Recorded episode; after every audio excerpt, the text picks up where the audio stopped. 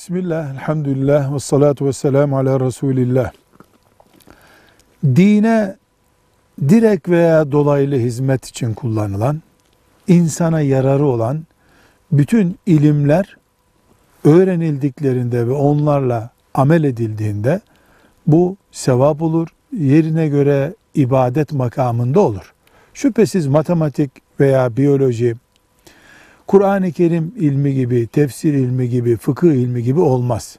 Ama fıkı iyice öğrenmek ve uygulamak için de matematik gerekeceğine, biyoloji, kimya gerekeceğine göre en azından fıkhın hizmetinde olan bir ilim dalı olarak onu da öğrenmek ve uygulamak sevaplar arasındadır. Çok rahat deriz.